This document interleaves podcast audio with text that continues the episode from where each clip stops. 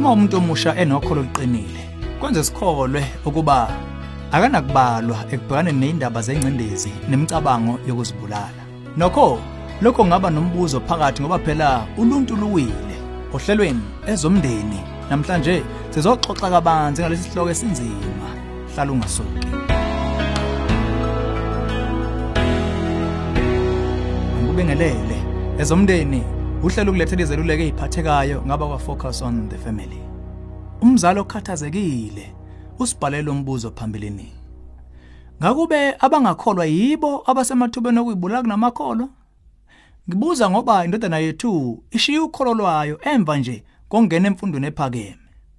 Emva kwalokho usehlala engaqondakali. Ngakube usengcupheni okuyibulala?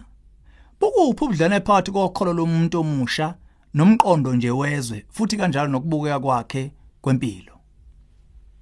Impendulo embuzweni wakho oqala ukuthi empeleni akukho. Lokho ingoba ukuzibulala kwehluke kakhulu. Imvamisa kuba ngenxa yokugadla kwezivunguvungu ezifanayo okuningi lazo zingancikene nokholo lwalowo muntu futhi ezingekho ngaphansi ngqo kolawulo lwengaphakathi lwakhe.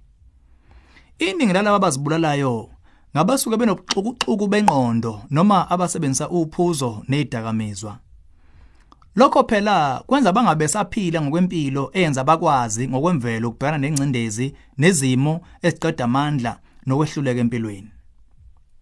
Eyimene eyiningi kuyenzeka ukuba isimo sezempilo somuntu kube yiso esiyimbangela.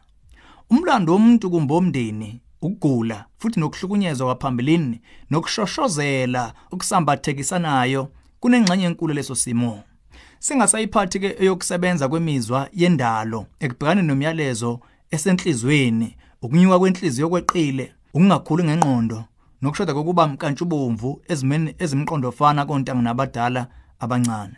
Iphuzu elisemqoko kumele silicabange elokuthi izwi lisitshela ukuthi singuluntu oluwile sonke. Ngokwezwi kanjalo ngokwezempilo ngokwengqondo nangokobuntu lezi zimo zokuba uluntu oluwile azivuni ukuba amaKristu wona awabalekile ezimene ezingenza nawe afuna ukuyibulala.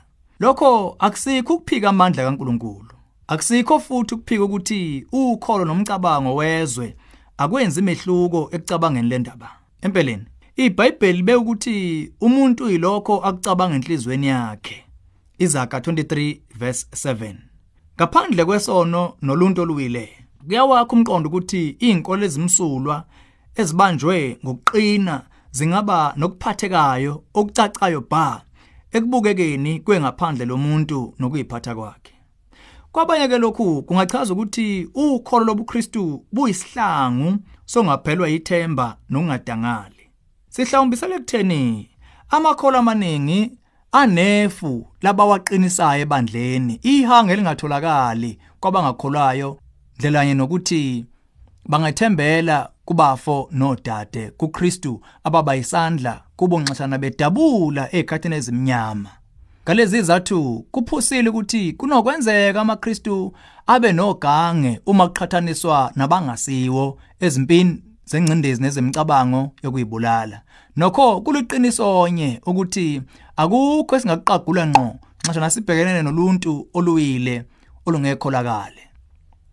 Indaba lapha ke uma usola ukuthi indodana wakho ulwisana nemizwa yokuzibhubhisa ungaloko uthi umosha isikhathi ubhisana naye ngezibhalo kumbe umshumayeza. Kunalokho khumbula ukuthi ukuhlanganisa izinto ngeza kwamoya kungadida ingqondo yakhe kakhulu kulenkinga abhekene nayo. Kumele ungamzelike ngaleyo ndlela. Okumele kube inhliziyo yakho oqala kumele kube ukumkhulekela ndodana ucele nabanye nimthwale nimyise esihlalweni somusa. Khona manjalo thatha igxathu lokubuka ukuthi ngakube inkinga yakhe eyezimpilo ngokwengcindezi.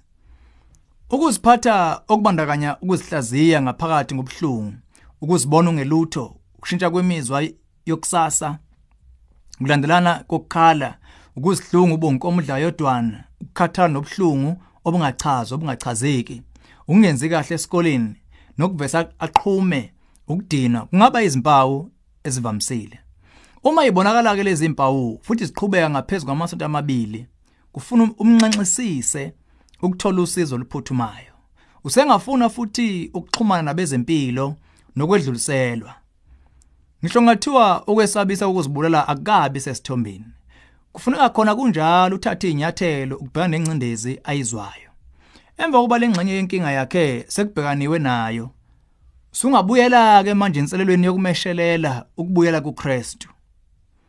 Umnyango waka Focus on the Family uyatholakala ocingweni oluthi 031 716 3300 la khona abaluleki bethu bengaxoxa nawe ngocingo baphinde bakuphe uhla lwabasebenza ngokusambatheka kwengqondo abangaba ngakini.